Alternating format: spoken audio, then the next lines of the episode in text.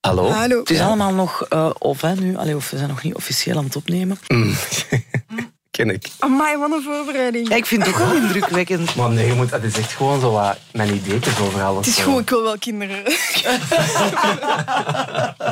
zo dadelijk gaat dat zo dit horen en dan ga je een vraag stellen en dan zo... Het geluid van ik die opzoek waar dat standpunt dat neer. Wat had ik daar gisteren van over Ja. opgezocht? Dit is Groot Gelijk, een podcast van De Standaard. Waarin twee redacteurs debatteren over een hot topic.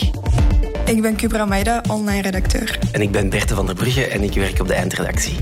De vraag die vandaag op tafel ligt. Zet ik nog een kind op de wereld? Nee, want ik wil het vermijden dat dat kind op een onleefbaar planeet terechtkomt en daarin moet opgroeien. Ja, toch nog een kind, want eh, ik probeer als mens naar mijn instincten te luisteren. Ik ben Marianne Justaert. Groot Gelijk dat je luistert. Mag ik beginnen? Dit is Groot Gelijk. Let's go. Vandaag ontvang ik collega's Kubra Maida en Berten van der Brugge. Welkom. En we gaan het hebben over millennials en hun kinderwens. Ik ben 18 jaar. Ik zou wel graag kinderen hebben later. Ik ben 19 jaar. Op dit moment heb ik wel een kinderwens. Wens, wens, wens. Ik ben 20 jaar. 22 jaar. Ik ben 23, denk ik. Denk ik, denk ik. En ik heb ook wel een kinderwens. Ik zou wel graag kindjes hebben. ja. Liefst van al zou ik toch later drie kinderen willen hebben. Vroeger droomden twintigers bijna allemaal van een gezin. Je hoort zo vaak van mensen van kinderen dat ze daar alles voor zouden doen. Ik kan me zo niet inbeelden dat je alleen oud wordt en zo alleen je eigen leven hebt. Ik ken ook geen mensen die spijt hebben van kinderen, dus alleen. eh, Als je een kind krijgt, zit je zo ergens vast. Nu, er is wel iets aan de hand. Vandaag is dat blijkbaar geen evidentie meer. Dat is niet iets dat, je, dat een periode is, dat is iets voor je heel, de rest van je leven. Heel veel verantwoordelijkheid bij De kijken. verantwoordelijkheid voor een kind op te voeden zie ik op dit moment niet zitten. Je zit daarmee bezig en je ziet hoe dat die opgroeien. Als ik naar mijn ouders kijk, merk ik hoeveel liefde dat zij daaruit halen en hoeveel plezier. Ik denk dat je heel afhankelijk bent van een kind. En dat is iets dat ik denk ik, als ik er niet voor zou gaan, dan toch zou missen. En ik denk dat ik daar de vrijheid, dat ik dat ga missen. Ik ben 19 jaar en ik heb momenteel een beetje mijn twijfels. Ik weet niet of dat ik een kind wil baren. Mijn volledige jeugd ik gezegd tegen mezelf dat ik dat niet wil. Eh, carrière en Dat is ook zo, ja, lichamelijk gebeurt er ook heel Ik zie dat wel als een soort van voldoening om iemand groot te brengen en zo de kleine ik te maken of zo. Misschien liefst niet de kleine ik, misschien beter die van mijn partner. Maar eh, misschien eerst een partner zoeken, dat is misschien ook al iets. Ja, je moet ook zo de juiste partner en zo vinden ook, hè. Misschien dan eerder misschien adoptie of zo. Ik wil denk ik sowieso wel eigen kinderen ook. Omdat ik ook gewoon benieuwd ben hoe mijn kinderen eruit zouden zien. Ik heb daar wel al veel over nagedacht. En dan heb ik ook wel nagedacht, zo misschien adopteren of zo. Omdat die kinderen dan al op de wereld zijn. En dat jij dan niet iemand op zo'n wereld zet. Onder meer de klimaatverandering heeft het stereotype huisje, tuintje, kindje patroon doorbroken. Ik denk dat ik geen kinderen wil. En ik heb geen expliciete kinderwens. En het gaat zo ver dat jonge mensen zich afvragen 24. 28 hoe verantwoord het nog is om kinderen op de wereld te zetten. Like, als er iets gebeurt met dat kind, je draagt dat mee tot in je graf. En daar was ik als dan eigenlijk een beetje bang voor. Eh, om me daar eigenlijk volledig voor te smijten. Maar op dit moment heb ik, ben ik eigenlijk aan het eh, draaien van gedachten. En zou ik wel echt graag eh, toch kinderen willen. Kubra, jij hebt een tijdje geleden in het De Standaard Weekblad een groot artikel geschreven met als titel Jong en nooit ouder. Ik vond dat wel een hele goede titel. Maar hoe zit het met de jeugd van vandaag? Want jij hebt zicht op de cijfers. Vertel eens. Wel, de VUB heeft dat dus onderzocht. En daaruit blijkt dat 1 op de 10 Belgen tussen de 25 en 35 geen kinderen wil. Het gaat om 13% van de mensen uit die leeftijdscategorie. En dat is hoger dan het gemiddelde in Europa. Want het gemiddelde in Europa ligt op 7%. Komt dat overeen met wat jullie ervaren in jullie vriendenkring? Jullie zitten beide in die leeftijdscategorie 25-35. Is dat zo? Wat merken jullie? Wat vinden jullie zelf? Ehm, ik, ik merk vooral dat er, dat er een, een groot uitstelgedrag is. Ja. En, en ja, daarnaast ook wel komen er wel de eerste koppels of mensen die, die bewust kinderloos of, of kindervrij willen leven en die, zich daarvoor, die daarvoor uitkomen. En dat ook Ja. een verschil is. Ja, ja, ja, Dat ik inderdaad. dat nu voor het eerst eigenlijk pas hoor de laatste jaren, dat mensen toch zeggen van, ah ja, en dat is een soort outing. Ja, ja, ik, eh, ik wil eigenlijk helemaal geen kinderen. Of wij willen geen kinderen. Kubra, ik zie u knikken. Ja, ehm, hoe oud ben jij eigenlijk? Dat is een goeie, hè? Ik was ook aan het denken zo. Ik, ik ben 32. Ik ben 24. Ah ja, oké. Toch, toch, ja, we zijn toch deel van dezelfde generatie. Dat is allebei millennials. Nee, nog, zij, ja. jij bent eigenlijk Gen Z. Ik hè? ben, ja, ik ben eigenlijk nog Gen Z, maar Want ik zit, nou, ik zit recht op de gemiddelde, exact op de, de gemiddelde leeftijd van een man in Vlaanderen om dus zijn eerste kind te krijgen. Oké. Dat is 32 en 7 maanden. En dat is exact wat ik ben. Van, 20 en 7 dus maanden. de druk is eh, real. Maar dus, eh, dat weten we dan ook meteen. Dus jij hebt geen kinderen, Berten. Ik heb geen kinderen. Oké. Cubra, jij ook niet. nee. En wat merk jij in je omgeving? Hoe zit het bij jou? Ehm, ik merk vooral dat we er heel bewust over praten. Het was een van mijn beste vriendinnen die op haar balkon stond en plots een onderzoek aanhaalde van binnen zoveel jaar is het echt om zeep en allee, ik wil echt geen kinderen op de wereld zetten daardoor. En dan dacht ik, oh fuck, dat is eigenlijk wel waar. En dat was zo de eerste keer dat ik daar heel bewust over ben beginnen nadenken. En nu in mijn vriendenkring merk ik wel dat er in het algemeen een openheid is om, om die dingen in vraag te stellen. En ook al weet je het niet zeker wat uw mening daarover is, dat je wel bij elkaar kunt aftoetsen van en wat denkt jij daarover? Denk je dat dat nog kan? Denk je dat dat niet meer Ja. kan? En dat is wel fijn dat, je, Hm. dat we daar met elkaar over kunnen praten, denk ik. Ja. Maar dus best wel wat twijfel. Ook bij jou. Ja, ja. Ja. Voor mij is mijn redenering rationeel, omdat ik denk dat we, dat we steeds meer eh, geconfronteerd gaan worden met natuurrampen die ook steeds Mhm. ernstiger gaan zijn. En ik kan het mij niet inbeelden dat ik iemand waar, die, ik, die ik heel graag zie, die ik onvoorwaardelijk graag zie, of, of die ik het graagst zie, ooit ga moeten redden uit zo'n situatie Ja. en dat dat niet gaat gaan, dat je die moet zetten op een wereld waarvan dat je weet het gaat alleen maar slechter gaan. Ja. Dat, dat geeft mij veel angst. Dat je die gaat moeten redden uit bosbranden of uit overstromingen of zo. Allee, hoe Ja. ga je daarmee om? En stel je hebt drie kinderen, wie red je? Amai zeg. Ja, nee, maar- dat zijn echt wel zo Maar het was existentiële mijn zus die dat ook, maar ook zei. Tijdens de overstromingen van afgelopen zomer drong dat bij haar ook heel hard door. Dat die zei van, maar shit, stel je voor dat, dat wij even erg die overstroming hadden meegemaakt. Ja, En dat je dan in een situatie komt te zitten dat je op je dak moet gaan kruipen. ja, ja, ja. Dat je daar moet zitten wachten tot iemand je komt helpen met je kinderen. Dat is enorm traumatiserend. Maar dus echt wel het klimaat. Hè? Klimaat eh, is ook een argument dat ongelooflijk veel terugkomt in deze discussie. Jonge mensen die spreken van hè, deze planeet is stervende. We willen er eigenlijk geen, eh, geen kinderen meer op zetten, want welke toekomst hebben we hen te bieden? Is dat niet een heel pessimistische visie? Ik vind dat eh, pessimistisch en ehm, bijna eh, cynisch en nihilistisch. Ja. Eh, en ik vind ook dat... Het lijkt ook alsof we de laatste oh, 10, 20 jaar... dat er ook wel een kleine verschuiving is in de berichtgeving rond zo die milieuproblematiek. En waar dat, dat aanvankelijk... ik kan mij nog herinneren als ik, toen ik eh, een Inconvenient Truth zag van Ja, Al Gore, ja. dat dat enorm binnenkwam. En nu zijn we ja, 20 jaar bijna 20 jaar verder, denk ik. En, en er komt er een film als eh, Don't Look Up Mhm. uit. Er zit een soort van humoristische, cynische onderlaag in. Waarbij ik denk van ja, dat helpt ons ook niet. Dat we eigenlijk ons neerleggen bij het feit dat die wereld toch zomaar gaat vergaan.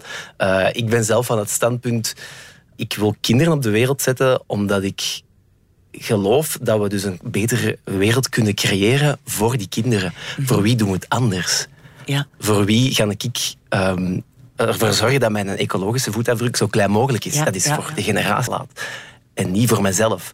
Want voor mezelf zou het eigenlijk geen hol uitmaken. Laat ons gewoon lekker eh, het opleven. We gaan allemaal dood. Dus als dan het einde van de wereld daar net na komt, ja, waarom zouden we dan in godsnaam nog ons best doen om een beter... of het klimaat überhaupt te redden? Alle studies wijzen er wel op dat het heel, heel hard achteruit gaat met het klimaat. En nog veel sneller dan ooit voorspeld. Ja, inderdaad, je hebt die onderzoeken die wel aantonen van het, het gaat heel snel heel erg achteruit. Langs de andere kant heb je dan ook wel, maar misschien is dat meer bij mijn leeftijdsgenoten dan, dat er heel veel klimaatangst is. En dat ik eerlijk gezegd op dit moment ook zo niet goed weet hoe rationeel zijn die angsten. Want en klimaatangst voor de gevolgen van de klimaatverandering. En dan hebben we het over zo'n natuurrampen, Ja, dat à la- komt niet ja, goed, eh, overstromingen ja. enzovoort. Ja. Ja, en dat bleek ook uit een onderzoek van Wim Thierry aan de VUB. Die zegt dat baby's die vandaag geboren worden, dat die in hun leven zeven keer meer te maken zullen krijgen met hittegolven dan hun grootouders. En ook dubbel zoveel met droogtes, overstromingen en bosbranden. Hm. Met het huidige klimaatbeleid zullen pasgeborenen over de hele wereld tijdens hun leven gemiddeld zeven keer meer te maken krijgen met extreme hittegolven dan hun grootouders. 2,6 keer meer met droogtes, 2,8 keer meer met overstromingen van rivieren, 3 keer meer met mislukte oogsten en 2 keer meer met bosbranden dan mensen die 60 jaar geleden zijn geboren. Ja, ik merk ook dat het veel wordt aangehaald als zijnde, het is het argument van klimaat. Een kind op de wereld zetten is gewoon slecht voor het klimaat. Dat is nog een ander argument dan, dan de klimaatangst, denk ik. En dat is iets waar ik zelf niet per se in geloof. Dat het, het, uh, dus het verminderen of de afname van de bevolkingsgroei dat dat zou leiden tot het, het ultieme redden van ons klimaat. Het wordt leefbaarder voor ons allemaal als we minder mensen op deze planeet zijn. Maar je moet eigenlijk gewoon een beetje vergelijken wat de, de, de voetafdruk per, per capita of per inwoner een beetje wereldwijd is. En een beetje uitzoomen. En dan zie je dat bij ons, um, of bij de bij 10% rijkste landen, dat die eigenlijk de helft van die, van die voetafdruk voor een rekening nemen. Het zijn de landen waar ook dat, dat, dat bevruchtbaarheidscijfer, dat bij ons op denk 1,6 of zo ligt. Of Zoiets, hè, ja. Per koppel gemiddeld 1,6 kind, kind wordt gemaakt. uh, dat dat bij ons dus eigenlijk aan het, aan het afnemen is. En, en die bevolking eigenlijk krimpt doorheen de tijd. En dat je ziet dat in, in die armste landen, India, in Niger en zo, dat eigenlijk dat cijfer ligt daar op 4,3. Maar dat zijn ook de landen waarin dat die, die voetafdruk veel kleiner is. Dus die verhouding tussen uh, uw, uw voetafdruk en, uw, en hoeveel kinderen dat je op deze wereld zet, is eigenlijk in principe redelijk ongelijk. En ik denk dat we veel beter aan zouden doen om die ongelijkheid te bestrijden dan, uh, dan eigenlijk het globale cijfer te bekijken en dat argument te gebruiken om te zeggen we moeten naar beneden, want dat is de enige manier om, uh, om die planeet te redden. Nee, daar ben ik het wel mee eens. Ja. Dat vind ik zelf een heel moeilijk gegeven van ga ik de wereld echt redden als ik beslis om geen kinderen op de wereld ja. te zetten. Want dan ben ik ook hypocriet in al mijn ander gedrag. Want ik neem nog een vliegtuig ja. en ik koop nog een plastic flesje water. Allee. Ik vind dat altijd wel opmerkelijk dat dat zo in de weegschaal wordt gelegd. Het hebben van kinderen. Ja, in die hele klimaatdiscussie. Ik las ooit een uitspraak van actrice Veerle Bates. En zij zei zoiets als ik parafraseer nu. Van, oké, okay, ik heb een huis gebouwd, maar ik heb maar één kind. En dan dacht ik, ja, maar gaan we zo beginnen? Ik heb drie kinderen, dus ik mag dan niet mooi wonen of niet bouwen of zo. Uh, wat moet ik dan wel doen om die drie kinderen te compenseren? Ja, ja. Of andersom, maar mag, moeilijke, ik, hè? maar mag, ik, uh, mag ik mezelf toelaten op dat ik maar weinig kinderen heb genomen of geen kinderen? Soms denk ik, ik ben ooit een half jaar volledig vegan en bijna volledig zero waste geweest. En dan denk ik, als ik zo'n flesje water koop, zo... Snerig, ik ben nooit zes maanden vegan geweest voor het klimaat. Dus dat ooit één wel... keer, ja, één ooit, ja. Maar misschien moeten we het durven in de weegschaal leggen, want we zeggen nu alle drie, het voelt ongemakkelijk als je de kinderen meeneemt in die weging. Want niemand kan daarin perfect zijn natuurlijk. Hè. Ja, ik vind het Misschien om, moeten we het taboe doorbreken en het wel een keer mee in de weegschaal leggen op een hoger niveau, hè, in een breder maatschappelijk debat. Ja, maar het, het ding is, um, je kunt het, het, gegeven een kind en zijn voetafdruk als concept niet per se in een schaal leggen, omdat dat mm -hmm. natuurlijk heel vrij in te vullen is ja. hoe groot die voetafdruk zal zijn. Uh, en ik denk dat er zo cijfers zijn van dat, dat één kind op de wereld zetten gelijk zou staan als, uh, als 36 transatlantische vluchten of zoiets per jaar. Natuurlijk immens is. Maar als ik nu beslis om drie kinderen op de wereld te zetten en ik probeer die zo klimaatneutraal mogelijk op te voeden, ja, dan worden die kinderen ooit ook dus volwassen en nemen zij ook die plaats in van die cijfers en nemen zij misschien zelfs de plaats in van mensen die uiteindelijk niet hebben gekozen voor kinderen. En dan hebben we wel milieubewuste maatschappij gecreëerd op ja. die manier. Ja, ja oké. Okay. Voor mij voelt dat toch een beetje als een instinct tegenover een levensstijl. En ik denk dat er waarschijnlijk veel tegenargumentatie zou kunnen zijn van mensen die geloven dat kinderen nemen wel ook een levensstijl is. Uh, maar mijn persoonlijk aanvoelen daarin, dat is het enige dat ik kan meegeven, is dat het er toch net boven staat. En in dat opzicht is en mijn levensstijl, gewoon... wacht, dat moet je een keer uitleggen. Ja, uw levensstijl, van, uw levensstijl... Als een trofee of zo. Nee, nee uw, uw levensstijl als in uh, hoeveel dat u, dus uw, uw klimaatafdruk of uw voetafdruk ah, is. op die manier, op die ja, manier. Ja. Sorry, ik dacht nu even aan als nee, dus, kinderen. Als, uh... Nee, ik denk, ja, dan, dan, als je een enorm consumerende levensstijl ja, hebt... Okay. Dat, uh, dat valt ergens gewoon niet te vergelijken met het instinct van, van, een, van een voortplanting of een kinderwens, vind ik zelf. En daarbij vind ik ook dat je moet kunnen kijken naar wat is nog normaal of zo aan waar wij als maatschappij naartoe aan het gaan zijn. En dan zie je dat kinderen krijgen eigenlijk over de eeuwen heen een soort van constante is. Mensen krijgen kinderen.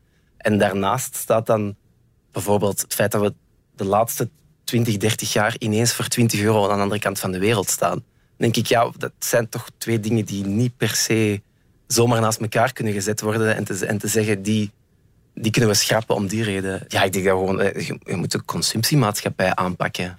En dat gaat volgens mij de grootste verandering kunnen teweegbrengen. Wij wilden ook wel eens weten van wat denkt die jonge generatie er nu van. Onze collega Glen van Muilen die ging in Gent eens polsen bij de jongeren naar hun kinderwens. Aan zich voel ik niet de nood om kinderen te maken. Dat is ook nog verre toekomst. Ik denk ook dat onze wereld al druk bevolkt genoeg is. Over bevolking is ook misschien wel iets waarvan dat ik denk van dat is misschien een reden om niet te doen. Maar ik denk ook wel dat er veel gaat veranderen aan de wereld. Zo bijvoorbeeld het klimaat en zo. Klimaat met de oorlogen. Ik denk dat dat niet echt zo leuk is om nu kinderen op de wereld te zetten. Ik ben toch ook wel bezig met inderdaad het klimaat en wat er allemaal nu aan toe gaat in de wereld. Wat dat wij nu aan het verpesten zijn en de generaties voor ons. De generatie voor ons en de tweede generatie voor ons het al genoeg gefuckt heeft. Dat onze kinderen daardoor eigenlijk een beetje in de shit gaan zitten daardoor. En ik geloof niet dat wij de mogelijkheden hebben, eh, of onze toekomstige generatie, om dat op te lossen. Hoe dat de wereld er nu aan toe is, vind ik dat echt dat onze kinderen en mensen daarna komen daarin moeten opgroeien ook. Omdat je weet dat het ook erger gaat worden misschien. Omdat nu zit het nog, nog redelijk ver van ons. Klimaatcrisis enzovoort is nu nog meer verder van ons aan het afspelen. Maar ik heb wel het gevoel dat dat in de nabije toekomst meer en meer toch naar hier zal verplaatsen. En dat dat dan wel meer een invloed zal hebben ook hier. Valt wel op, hè? klimaat komt toch wel veel terug als argument hier. Hè? Ja, eh, maar ook, ik hoor niet veel, niet veel jongeren echt al spreken van dat is een instinct of een oergevoel dat er gewoon zit. Ah, ik ja, hoor ja, mensen ja. zo meer zeggen van oh, ik ben wel benieuwd hoe dat... eh, Maar komt dat niet later? Ah, wel, dat vraag ik me ik dus. zit nu... Allez, ik vind het heel interessant dat je instinct aanhaalt. Ja. Omdat ik dat... Ik denk dat ik dat pas heel recent ben beginnen voelen. Dat instinct van... Dat je dat gewoon biologisch, emotioneel voelt van... Ja... Allee, ik weet niet hoe ik dat moet uitleggen. Dus jij wilt dus toch Dus, eh, kinderen, ja, Koebra? Nee, mijn neem ik wil hier er. Een openbaring? Nee, nee, nee. Maar dat vind ik... Dat is persoonlijk mijn grootste struggle. Is dat ik denk ik als instinct, emotioneel en fysiek... Dat, dat ik dat voel, dat ik dat wil. Snap je? Ja. Maar rationeel, voor mij is dat rationeel, denk ik... Nee, ik wil... Ik weiger mijn instinct te volgen. Oh, maar dat vind ik wel heftig, Kubra. Dus eigenlijk zegt uw lichaam ja. Ik wil mij graag Ik denk dat mijn lichaam ja Of ja, zo vertaalt je dat van uw lichaam. En uw hoofd zegt nee, we gaan hier geen kind meer op die wereld zetten. En dus eh, voorlopig weegt het hoofd door. Ja. Maar wel eh, opmerkelijk hoe dat inderdaad eh, iets dat toch algemeen beschouwd wordt als een instinct. Dus Ja. in onze moderne maatschappij kan overruled worden of overklast worden door dus uw, uw rationele capaciteit om, dus, Ja. eh, om het goede te doen voor de wereld. Of zo. Ik, vind dat, ja, ik, vind, ik, ik struggle daar zelf ook een beetje mee. Hè, maar Ik denk dat dat komt dat, je, dat mijn beeld is, mijn omgeving is niet veilig. En dat is misschien ook ergens wel zo instinct. Mijn omgeving voelt niet veilig aan voor mij of voor dat kind. Ja, want dat- dan vraag ik me af, is die, is die angst waar jij over spreekt, dat zou je eigenlijk al bijna naast dat instinct kunnen zetten qua gevoel. Ja, ja, ja misschien wel.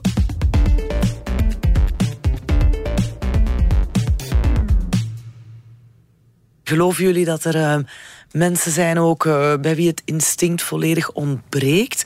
Eh, als we een keer inzoomen op het argument zo vrijheid. Ik wil mijn vrijheid houden.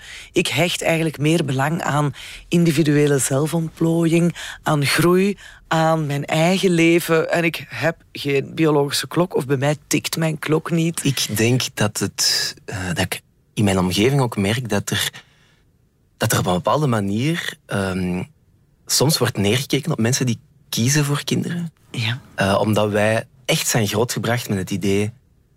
Je moet echt jezelf volledig kunnen ontplooien. En je hebt, we geven nu alle mogelijkheden om alles te kunnen worden wat jij wilt worden. En hier is het leven. En maak er maar het beste of het grootste van. En we vinden het allemaal een, een, een, een moeilijk moment waar dat we voelen dat er dus een instinct binnenkomt, maar dat we toch proberen vast te houden aan, ja, maar wacht, de maatschappij dringt mij anderzijds ook wel op om de beste versie van mezelf te worden. En is die beste versie, kan dat dan samenvallen met dat hebben van dat kind? Of neemt dat eigenlijk alles weg? Uh, en dat is iets wat ik, wat ik voel dat, dat, dat echt enorm leeft bij mijn vrienden ook. Zo het, uh, oei, dat, zodra dat Ja. kind er is, valt eigenlijk al de rest weg.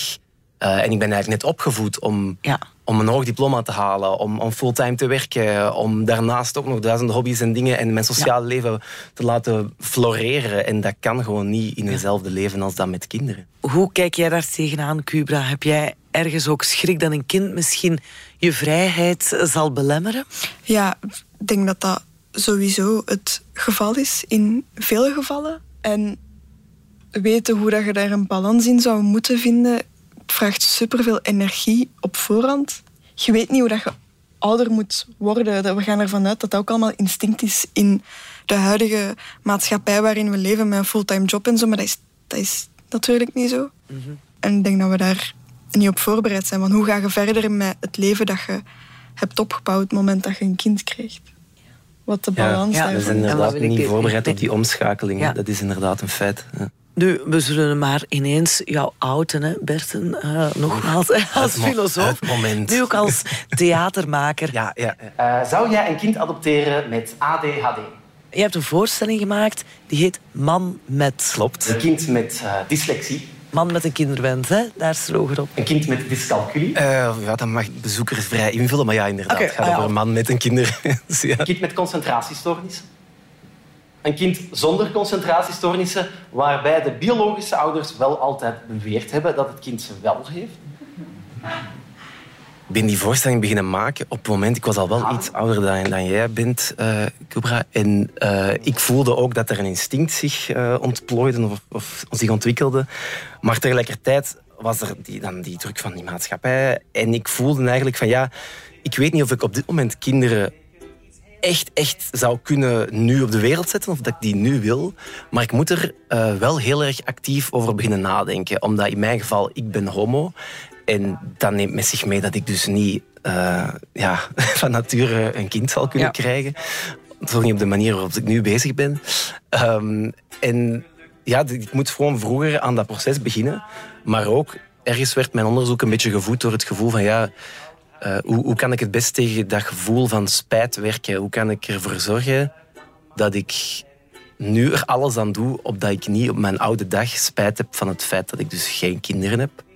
En dan ben ik eigenlijk daar met heel wat mensen over gaan spreken. Ze krabt in haar nek en ze schrijft dan van alles neer. En ze kijkt naar mij met hele grote, begrijpende ogen. Ze knikt op alles wat ik antwoord. En ze haalt diep adem voor ze mij een vraag stelt. En ze tuurt naar mij alsof ik dus ergens 100 meter verder zit. Ze doet alsof dit geen examen is. Alsof ik vooral niet beoordeeld word. Die voorstelling begint met het proces dat ik ook in het echte leven ben aangegaan. Namelijk, ik heb mij echt ingeschreven als eh, wensouder. En ik ga het, ben het adoptieproces ingegaan. Een single vrouw die naast een single man komt zitten op een informatiesessie over kinderen adopteren.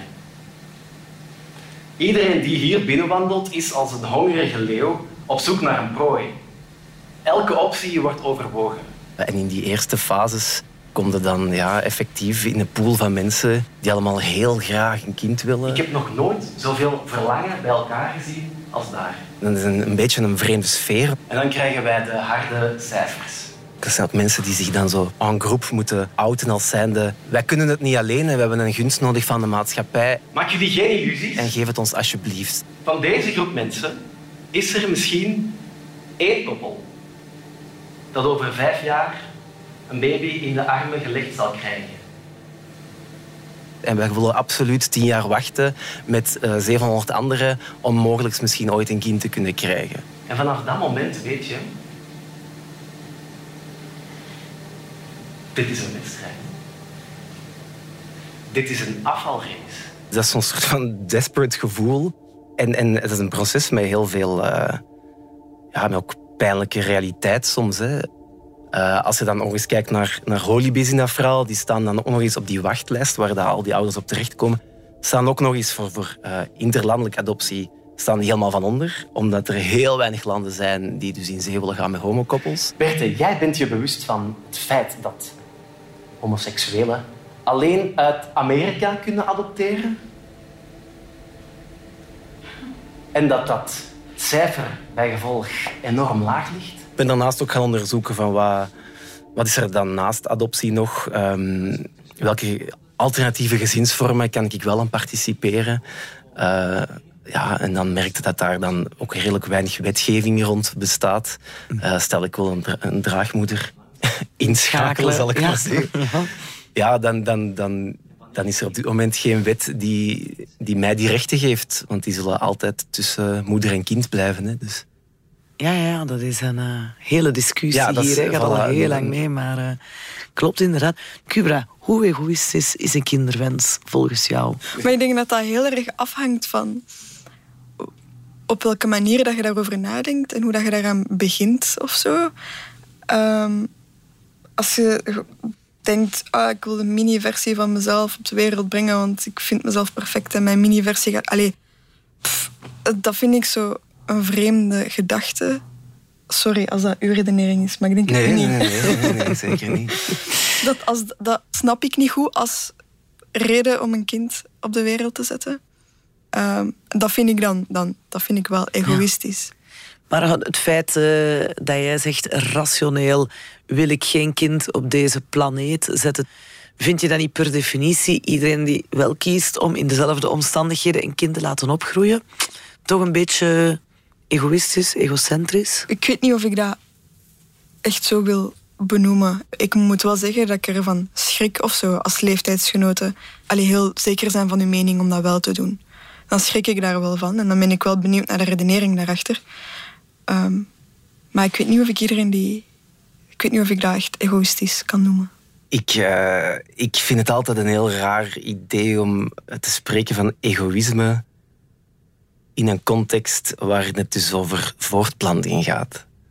Uh, want waar ligt die lijn tussen dit is een rationele actieve keuze en dit is wie dat wij als mensen zijn, of een deel van ons als mensen mm. toch op zijn minst ja. zijn. Dus het is zo eigen aan mens zijn. Het is zo eigen aan mens zijn. Ja. Het is zo, maar is het niet goed dat we, dat we er even over nadenken? Dat, of dat sommige mensen er toch even over nadenken? Want waarom volg ik mijn instinct op dit moment? Of is, allee... Ik vind ook goed dat er over na wordt gedacht, maar moet, moeten, wij dat dan, ja, moeten we het dan zo ver drijven dat dat op een gegeven moment zwart-wit denkend gewijs uh, iets is dat je moet inbouwen. Mensen moeten verplicht zo lang nadenken voordat hij aan een kinderwens begint. Of ja, ik vind het een goed idee dat we er, dat we er dat mensen daarover nadenken. Maar ik kan dat onmogelijk afdwingen bij iemand dat die nadenkt over zijn kinderwens. Ja. Zover wil ik zelf echt niet gaan. Nu ook omgekeerd krijgen mensen die geen kinderwens hebben en die dat uitspreken of durven uitspreken.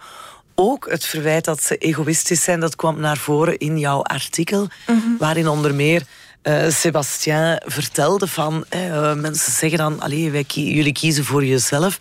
Maar, uh, ik citeer hem, het is toch niet abnormaal dat je eerst je eigen leven op orde wil hebben. Dat je je als individu wil ontwikkelen vooraleer je begint aan de opvoeding van een nieuwe mens. Je kunt ja. niet beginnen aan de opvoeding van, van een nieuwe mens als je niet weet wat dat, wat, waar dat je zelf voor staat als mens in het leven. Of wat dat je belangrijk vindt, wat dat je dat kind wilt meegeven. Maar blijft het nog een beetje een taboe? Het niet hebben van een kind? Ja, sowieso. Ja. ja, zeker je voelt wel, ook met de mensen waarmee ik sprak, dat die door hun omgeving altijd zo wel wat in vraag worden gesteld. Of hun keuze wordt altijd in vraag gesteld. Maar ja, zijt je zeker? En je denkt daar wel anders over als je, als je de juiste partner vindt.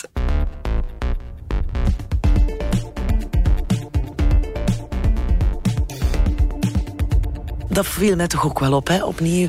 Dat artikel, maar ook in onze gesprekken vroeger dat er toch ook nog iets anders meespeelt. En dat is de factor racisme. Je hebt een migratieachtergrond. En dat kwam naar voren in ook mensen die je interviewde met een migratieachtergrond. Van, uh, goh, ik ben zelf eigenlijk uh, geconfronteerd geweest met racisme in mijn jeugd of in mijn leven. En ik wil dat gewoon mijn kinderen niet aandoen. Dat pakte mij ongelooflijk. Maar leg eens uit, is dat iets wat, wat veel terugkomt? Uh, het was Muntasir in het stuk die daarover begon. Hij zei... Um... Stel dat ik kinderen krijg, dan zullen ze minstens voor de helft mijn Marokkaanse roots hebben. Dat betekent dat ook zij racisme gaan meemaken. Ik heb daar trauma's aan overgehouden en dat wil ik iemand anders niet aandoen. Dat zou toch fucked up zijn? En toen dat hij dat zei, besefte ik van... Ik heb dat verhaal al eens gehoord, van mijn zussen dan. Dat zij ook zich erg veel zorgen hebben gemaakt over... Hoe ga ik daarmee omgaan als mijn kind racisme meemaakt? En voor mij is dat dan wel iets breder of zo. Dat ik denk, hoe ga ik ermee om als die seksisme of queerfobie of zo meemaakt? Dat, dat is, hoe ga je ermee om als je kind onrecht ervaart in het leven en je kunt daar als ouder niks aan doen. Maar die, je weet ook wel, die gaat dat meemaken. Nee, ja, ik word daar heel woedend van, van. Van kinderen die dingen meemaken, die gepest worden of die gewoon zaken meemaken waar dat je niks aan kunt doen. Maar dat is dus misschien ook wel een reden waarom ik gewoon echt geen ouder zou kunnen zijn, omdat ik overbezorgd ben. Is op het moment dat dat kind iets meemaakt, zou ik echt gewoon de hele wereld in brand willen steken. Of ik zou echt fucking agressief worden. Ik zou echt, dat kind echt wow. Maar natuurlijk weet ik ook wel dat elke ouder eh, die emoties heeft. Ehm, en, en je moet dat ook wel leren loslaten als ouder. Je moet daarmee leren omgaan. Maar die bezorgdheid leidt ook wel tot goede ouder worden. Als die bezorgdheid er niet zou zijn, dan is het helemaal erg. Ja. Nu, een, eenzelfde bezorgdheid speelt wel mee ook uh, bij een laatste argument dat door jongeren wel eens wordt aangehaald als ze zeggen waarom ze geen kinderen willen. En dat is uh, mentale gezondheid. Dus ze zijn eigenlijk bang dat ze een psychische aandoening of een psychische kwetsbaarheid waar ze zelf mee worstelen. En dat kan dan gaan van depressieve gevoelens, eetstoornis, uh, autisme enzovoort. Dat zij die doorgeven aan hun kinderen. Ja. Mijn mening daarover is misschien niet echt populair, maar ik vind dat moeilijk om te beslissen over of, of dat het leven van mijn kind een leven is dat het waard is om geleefd te worden. En daarmee, dat gaat heel breed. Hè. Dat is enerzijds van, van trauma's die ik misschien zelf in mijn verleden heb meegemaakt, um, die ik inderdaad niet, mijn kinderen niet wil toewensen. Um, en mijn kind zal waarschijnlijk geconfronteerd worden met leed of onrecht. Maar daarvan kan ik niet de rechter zijn die beslist wat dat leven dan genoeg is om, om te leven. En hetzelfde bij een vorm van een psychische uh, aandoening of mentale kwetsbaarheid of een vorm van autisme. Ik vind het ook een beetje een vreemde gedachte dat je eigenlijk oordeelt dat je, eigen kind, als het autisme zou hebben, of een vorm van autisme, dat het eigenlijk geen leven is dat het leven waard is. Maar denk... Gaat het niet meer om dat je denkt dat je er... Ja, en dat is dan misschien wel egoïstisch, is gewoon dat je dat was exact wat, wat, ik een soort van, ja... Maar dat is een egoïstische gedachtegang. Dat je weet, ja, ik, ik zou daar niet mee om kunnen, bijvoorbeeld. Dat zou mij kapot maken. Ah, wel. Maar dat is, dat is echt... dat is echt heel erg van het individu gedacht, wat ik ook snap, hè. Maar dat is zo... Dat maar is niet als je sterk genoeg voelt om daarmee om te gaan, dan is dat fantastisch. Maar ja, dan, ja ik weet niet. Ja, ik, ja. Ik, ik, ik begrijp heel erg dat het meetelt uh, over, die, over die, als het gaat over die hyper-individuele keuze voor welk een kind op de wereld en wat voor kind moet het dan zijn en wat kan ik aan en wat niet. Maar als het breder trekken naar moeten we nog kinderen op de wereld zetten, dan vind ik dat wel niet echt een argument. Maar ik denk, ja, dat, dat wil ik niet over oordelen of dat, dat leven genoeg is om te leven. Ja, als je denkt dat u een slechte ouder gaat maken, dan... dan misschien... Een slecht ouder tegenover geen leven. Ja, maar als dat leven er nog niet is. Ja. Snap je?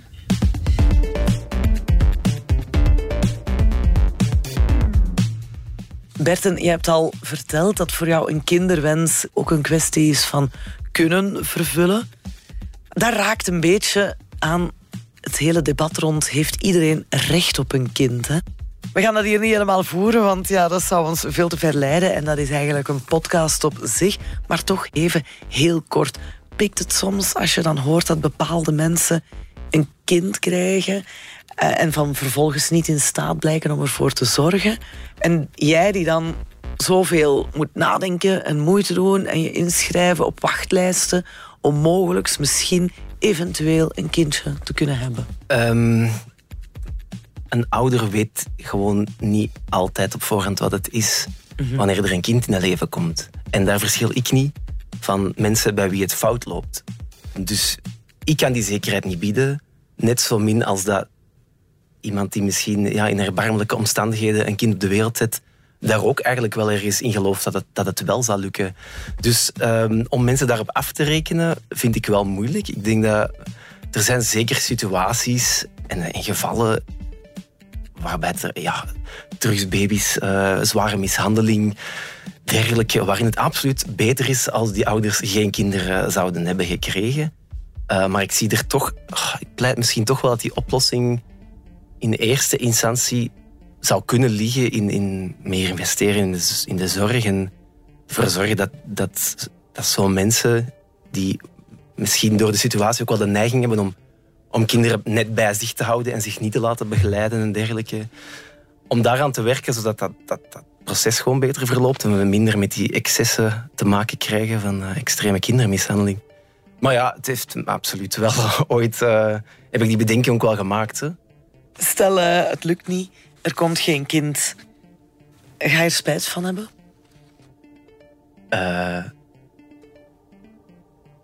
Ik dacht altijd, ik wil echt niet eenzaam oud worden en daar spijt van hebben. Dat is nog altijd zo. Maar ik heb ondertussen ook wel door met mensen te praten die dus spijt hebben van het feit dat ze wel kinderen op de wereld hebben gezet. En dat was voor mij echt een hele grote eye-opener. Heb ik wel ingezien dat, dat er altijd ja, 85 levens gaan zijn die ik niet geleefd ga hebben. En dat elke keuze altijd met spijt uh, gepaard gaat. Dus uh, als ik daar ver genoeg gewoon in doorga, zou het wel kunnen dat ik op een gegeven moment effectief ook een, een prima uh, gelukkig leven leid zonder dat daar kinderen aan te pas komen. Ik denk dat dat zo is bij mij. Sebastien van In het Stuk had mij verteld en ik kon me daar zelf ook heel hard in vinden. Hij zei, mensen die kinderen hebben, die zeggen heel vaak, denk er echt heel goed over na voordat je eraan begint. Ja. Ja dan denk je toch ook zo van, er moet toch wel iets aan de hand zijn. Waarom zou je er anders echt zo hard over moeten nadenken? En dan zit je in je zetel thuis te denken, van zo, ik ga daar nu mij uitdenken.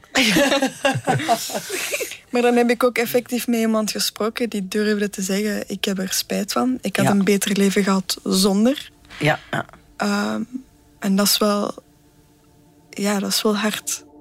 Ik denk, of ik weet dat ik liever spijt heb later van geen kinderen te hebben, dan spijt hebben van dat ik wel een kind heb gehad. Jij, jij legt dus spijt in de weegschaal, jong.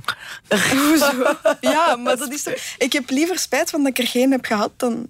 Allee, is dat, is dat heel, heel erg om nee, zo te nee, zeggen? Nee, helemaal niet. Maar het is eigenlijk ook maar, we, we, verschillen maar in die kleine nuance dat ik de weegschaal net een klein beetje aan de andere kant laat typen. Ja. Eén vraag blijft nog openstaan. Wat als je als jonge twintiger, begin dertiger zodanig overtuigd bent van het feit dat je geen kinderen wilt, dat je ook daadwerkelijk wil overgaan tot sterilisatie.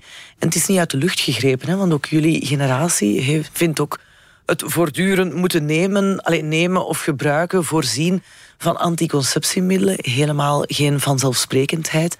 En terecht trouwens.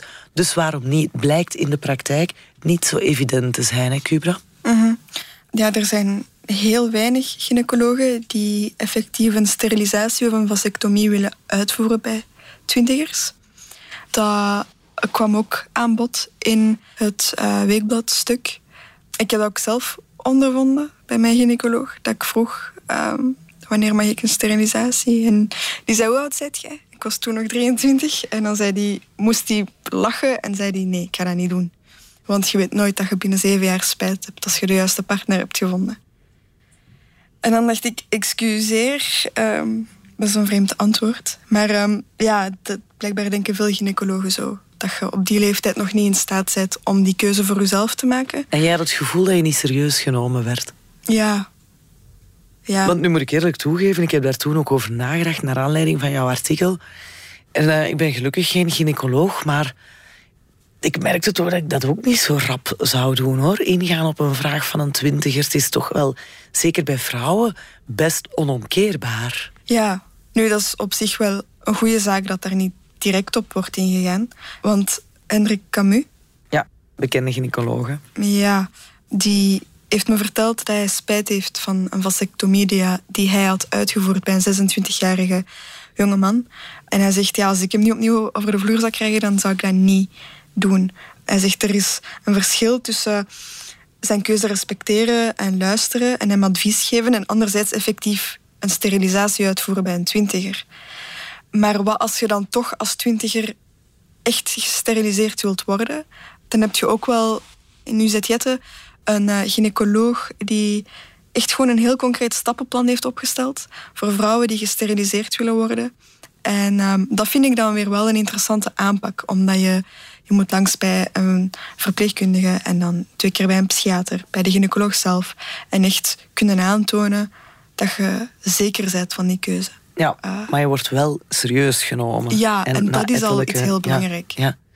Want vind je dat het een vrouwenrecht is om zelf te kunnen beslissen van ik wil gesteriliseerd worden, ook als twintiger? Ja, ja. Allee, ik wil toch alleszins niet horen, maar als je de juiste man leert kennen, of de juiste partner leert kennen? Dat is echt, dat is gewoon geen reden. Dat mag geen reden, dat mag geen argument zijn.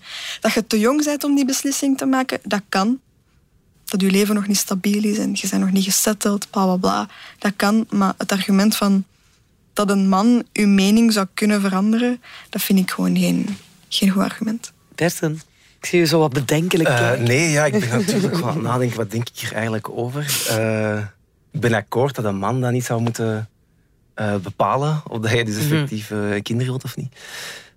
Ik vind het woord recht zo moeilijk, omdat ik dat op ja zou willen op antwoorden. Ja, elke vrouw heeft het recht om te beslissen of ze gesteriliseerd wilt worden. Maar dat recht impliceert dus eigenlijk ook direct dat er een soort van verplichting is bij een gynaecoloog. En daar ben ik dus tegen, omdat ik echt vind dat ik echt geen... Ik zou nooit een gynaecoloog willen zijn die daar toe verplicht wordt. En dat is het probleem van de zaak. Ik ben echt wel liberaal genoeg om te denken dat... Ik vind echt een vrouw, vanaf ze 18 is, is ze volwassen. En ik vind, we hebben dat beslist als maatschappij, daar ligt die grens. En zij is, haar keuze is haar keuze en moet, moet daarin gerespecteerd worden. Um, dus ik, uh, absoluut nooit een verbod op mhm. iets van, van sterilisatiepraktijk. Maar um, ik ben benieuwd waar het naartoe gaat. En, en als er inderdaad heel weinig gynaecologen daar nog op, op ingaan, ja, dan wordt dat een, een lastig, uh, lastig parket. Zwart-wit gezien vind ik, vind, zeg ik nee, geen recht. Ja. Ja, Cubra, nog altijd van plan? of was zij uw gynaecoloog dan finaal? Uh, ik ben veranderd van gynaecoloog. Maar zodra het kan, doe je het? Ik twijfel niet aan mijn keuze, maar ik heb er wel begrip voor dat ik als 24-jarige misschien toch nog inderdaad te jong ben om het zo definitief te maken. Ehm, maar misschien denk ik daar volgend jaar anders over en dan wil ik wel heel serieus genomen worden. Oké, groot gelijk. Berten, er rest ons nog één kwestie. Hoe staat het met die kinderwens van jou? Wel, uh, voorlopig uh, is, is dat adoptiehoofdstuk voor mij een beetje aan de kant geschoven, gezien de recente ontwikkelingen, die weinig hoopvol zijn. Um, en mijn, mijn parcours gaat eigenlijk meer en meer richting uh, een vorm van co-ouderschap met iemand in mijn omgeving. En ik mag echt mijn beide polks kussen dat er nog zoveel single vrouwen de mhm. dertig in gaan en dus voelen dat ze kinderen willen. En mij daar misschien op een zeker moment voor nodig zullen hebben. Bij deze keer moest het ooit. moest er een accidentje, wat zeg dan nog, zijn er uitwegen. Ik wil jullie heel, heel hartelijk bedanken voor dit open gesprek. Om hier zo jullie hart op tafel te leggen. Millennials, Berten van den Brugge en Cubra Maida. Graag gedaan. Dank